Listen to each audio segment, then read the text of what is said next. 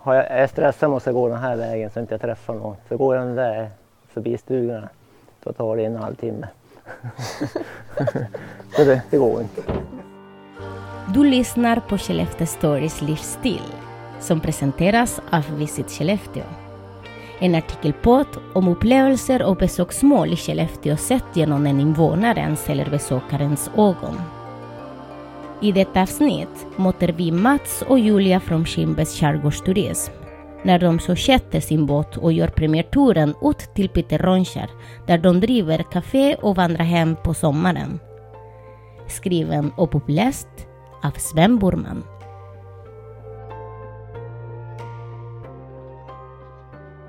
Holmön sydost 5, Bjurklubb syd 3, Peter Rönnskär sydost 2 meter per sekund. För vissa är Peter Rönnskär sommarens mest efterlängtade utflykt. För andra är det bara ett namn i sjörapporten, uppräknat mellan Bjurklubb och Rödkallen. För mig är Peter Rönnskär främst barndomsminnen. När jag var barn tog vi båten från Bysket till Peter Rönnskär varje sommar och låg över ett par nätter i gästhamnen. Vi umgicks med båtfolket, med mina kusiner och med stugägarna på ön. Och som jag minns det så såg det ut precis likadant då som nu. Men även om det till ytan är sig likt så har det faktiskt hänt väldigt mycket på Peter Rönnskär de senaste åren och mycket tack vare en driftig familj från Kinnbäck. Det är en av de första kvällarna i juni och jag ska få följa med två av familjemedlemmarna, Mats och Julia, ut till just Peter Rönnskär. Mats som driver Kinnbäcks skärgårdsturism och Julia, hans vuxna dotter. Klockan är halv åtta på kvällen när jag möter dem i hamnen i Kinnbäck och de ska precis sjösätta sin 8,5 meter långa turbåt som under sommarmånaderna trafikerar sträckan Kinnbäck-Piterönscher. Även Mats fru Jeanette är på plats och deras son Daniel som sitter i traktorn i full färd med att backa ner båttrailern i havet medan Mats dirigerar. Vet du? Ja, precis.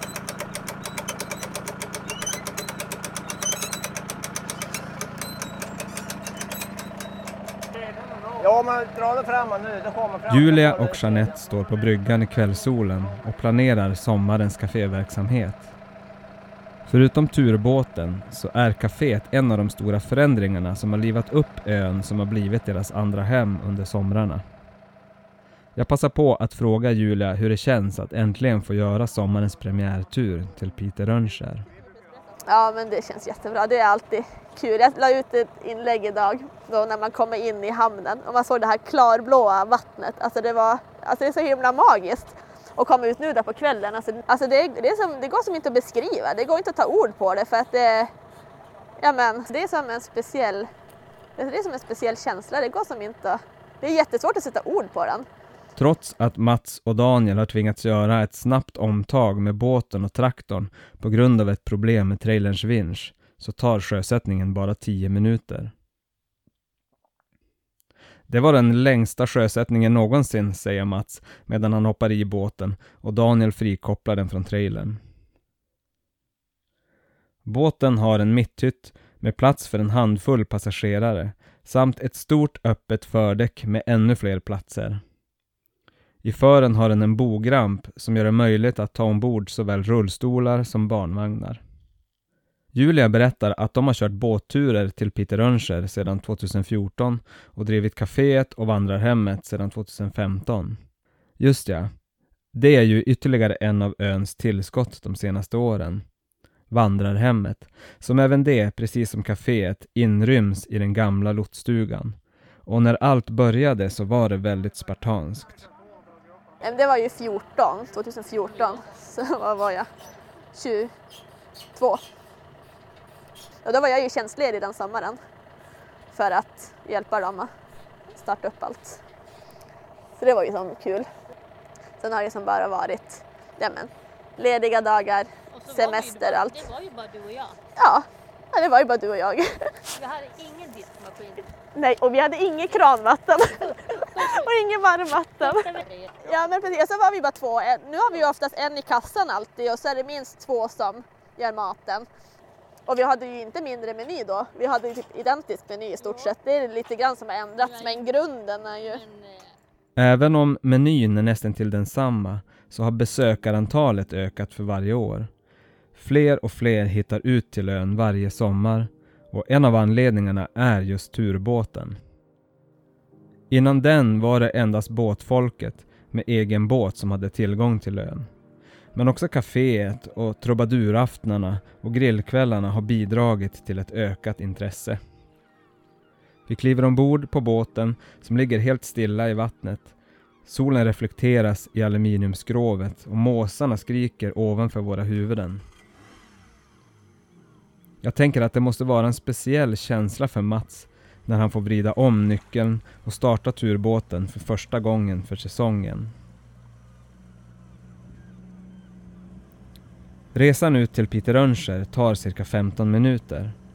Havet är nästan helt platt ikväll, så trots att Mats håller 40 knop ut så åker vi tyst och bekvämt inne i hytten. Piterönscher är en av Skellefteå skärgårds nordligaste öar och den ligger längst ut i havsbandet. Det är en speciell känsla att stå längst ut på öns ostligaste punkt och se milsvis av horisont. Nästa utpost Finland. Det finns väldigt mycket historia kopplat till platsen och säkert massor av spännande historier. På ön ligger ett gammalt fiskeläge och här har yrkesfiskare varit verksamma ända sedan 1700-talet. Här finns också ett gammalt kapell som byggdes 1771 så att fiskarna kunde fullfölja sin kyrkplikt. Ja, fisket var ju ganska, det var jätteviktigt fisket. Ja, riktigt när det började vet jag inte men år med strömmingsfisket var ju otroligt viktigt här ute. Även lotsverksamheten och fyren har sin historia. Mats berättar. Lotsverksamhet, verksamheten fyller 200 år i år. Gör det. Och fyren är från sedan 1886 tror jag. Var det inte då? Jag var 76 Var det inte för, först. 62? Nej, då 1862? var fyren byggd. Jaha. Men första fyr, fyrljuset. Och det var ju lotsstugan det var ett litet fyrljus. Ja, det var ett par frågetecken där, men enligt Wikipedia så blev Peter Önscher lotsstation 1821 och Heidenstamfyren som byggdes 1862 flyttades till Peter Önscher från Sandhammaren i Skåne 1905. Faktum är att det är Sveriges högsta järnfyr. När vi kommer ut till ön och Mats rutinerat styr in båten mellan nybommarna och stänger av motorn så är havet, svalorna och måsarna det enda som hörs. Jag ser inte en enda människa när jag kikar upp mot fiskebyn. Här ska det dock sjuda av liv om bara några veckor. När vi kliver i land så passar jag på att fråga Mats hur hans relation till Peter Rönnskär är och när den började. Det behöver väldigt så- här så långt. Det, det, var, en- det var en som frågade mig första minnet jag hade Peter Ransjö. Och det var i kyrksöndag här. Och man var några år gammal. Det är det första jag minns. För då skulle alla från byn ut på kyrksöndag. Och då var det små träbåtar på 4,5-5 meter och med sju hästar och mörker. Så att eh, det är det första jag minns. Och sen, ja, man har ju känt ganska många här så att man, och sen började man köra själv man då? 12-13 år kanske. Då får man gick själv och, och nu, ja, jag, känner, jag, jag har ju känt stort sett alla hela tiden. Och nu går det inte av för nu ska alla prata med en så att. När jag kom, har jag, jag är stressad måste jag gå den här vägen så inte jag träffar någon. För går jag den där förbi stugorna då tar det en halvtimme. så det, det går inte. Kanske trevligt om man har gått och om tid. Ja precis, det är, är supertrevligt men eh, kärre det var. jag, jag har aldrig gått om tid.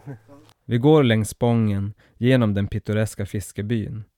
Den spång som Mats måste välja bort ifall han är stressad. De små röda fiskestugorna står tätt ihop, huller om buller. På en dörr står det “Jäkta inte”. På en annan “We don't have wifi. Pretend it's 1995”. Svalorna har fullt upp med att bygga bon under vindskyddbrädan på en av stugorna vi passerar. Jag ber även Julia att berätta om sina första minnen från Peter Rönnskär. Nej, men första minnet, alltså. Jag vet inte, men alltså, jag- det var ju obligatoriskt varje sommar var att åka ut på Rönnskär. Ja. Alltså det har ju alltid varit sedan vi, så länge jag kan Och minnas. så var ju Evert här. Och så Evert och Ulla ja. ju känt. Och så KG och, Mm, och. G- Greta. och Greta. Det- Ja. Man hade ju vissa som man hade lite mer ja, Relation till. relation till. Mm.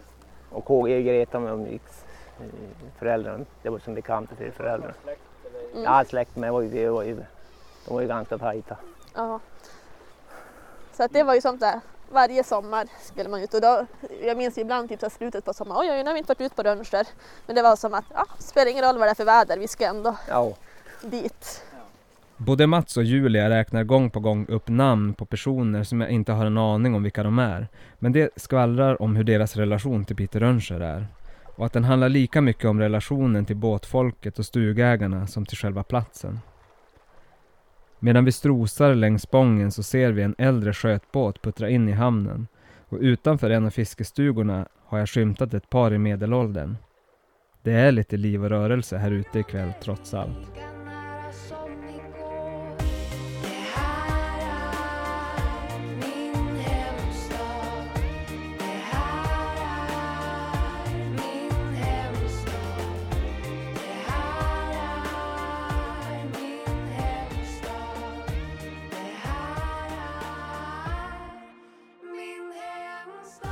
När vi kommer fram till fyren så berättar Mats att den håller på att renoveras.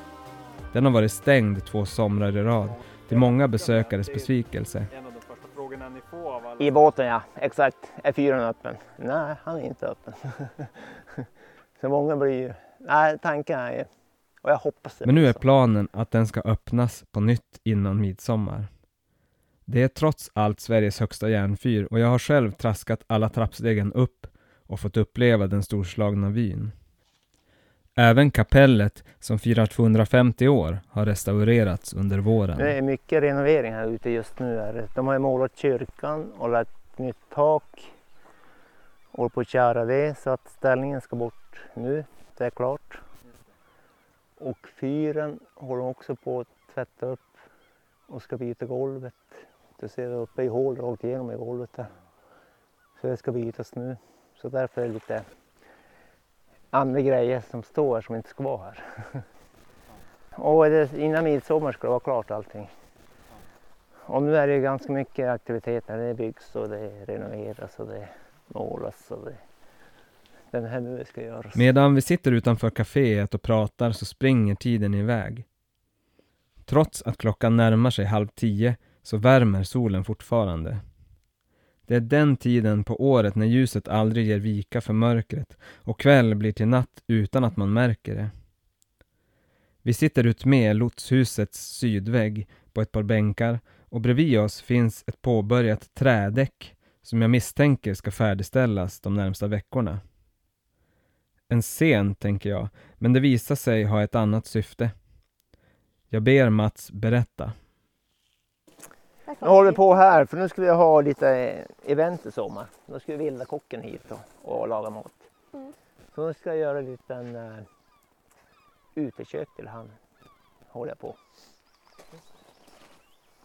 Men det ska bara bli eh, golv och tak stort sett ska det bli. Inget mer. Kommer han med egna grillar? Eh, nej, vi ska göra en grill också. Ska vi göra. Det är lite jobb där då. Eh, en rök har jag köpt så han ska röka räkor och musslor och ja, allting ska lagas ute över öppen eld och rö, rök och mm.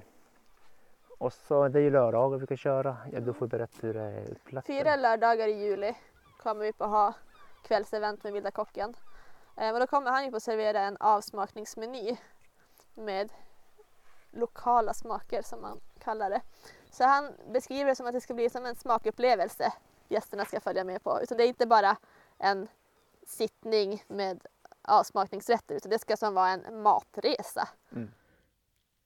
När vi för ett par timmar sedan stod på bryggan inne i Kinnbäck och såg på när Mats och Daniel sjösatte så försökte jag få Julia att beskriva känslan här ute på ön. Jag är inte riktigt nöjd med det svävande svaret hon gav, så jag bestämmer mig för att ge det ett till försök. Ja, nej, men alltså, jag vet, det är som så svårt att sätta ord på allting. Det är någonting som man måste Alltså man som upplever det. Och så är det ju ofta också det här att det spelar som ingen roll hur stressad man är här ute utan det är som ett speciellt lunk. Här är det, alltså tiden står ju som stilla här på något sätt. Man kan bara, man ska bara vara. Man ska bara njuta. Mm. Alltså så, och visst är det mycket folk och allting men det är som ändå en speciell, ja, jag vet inte, det är som svårt att beskriva. Något bättre svar än så får jag nog inte och jag känner lite samma sak själv. Man måste nog bara uppleva det helt enkelt. Men just den gemytliga fiskebyn, båt och stugfolket och den karga och exponerade stenudden längst ut med kapellet och numera även det mysiga kaféet är nog alla delar som bidrar, tänker jag. Vi avslutar med en rundvandring genom lotshuset, genom kaféet och genom vandrarhemmets olika rum. Mats berättar att han är i full färd med att färdigställa ett hundvänligt rum ute i den gamla uteslängan nedanför fyren.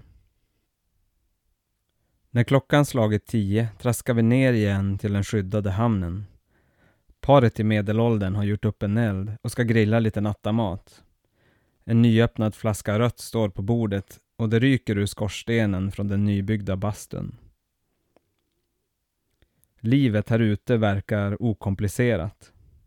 Vi fastnar en stund på bryggan och Mats och Julia pratar med paret om den annalkande sommaren. Vilka som har börjat ställa i ordning sina stugor, om sommarens grillkvällar.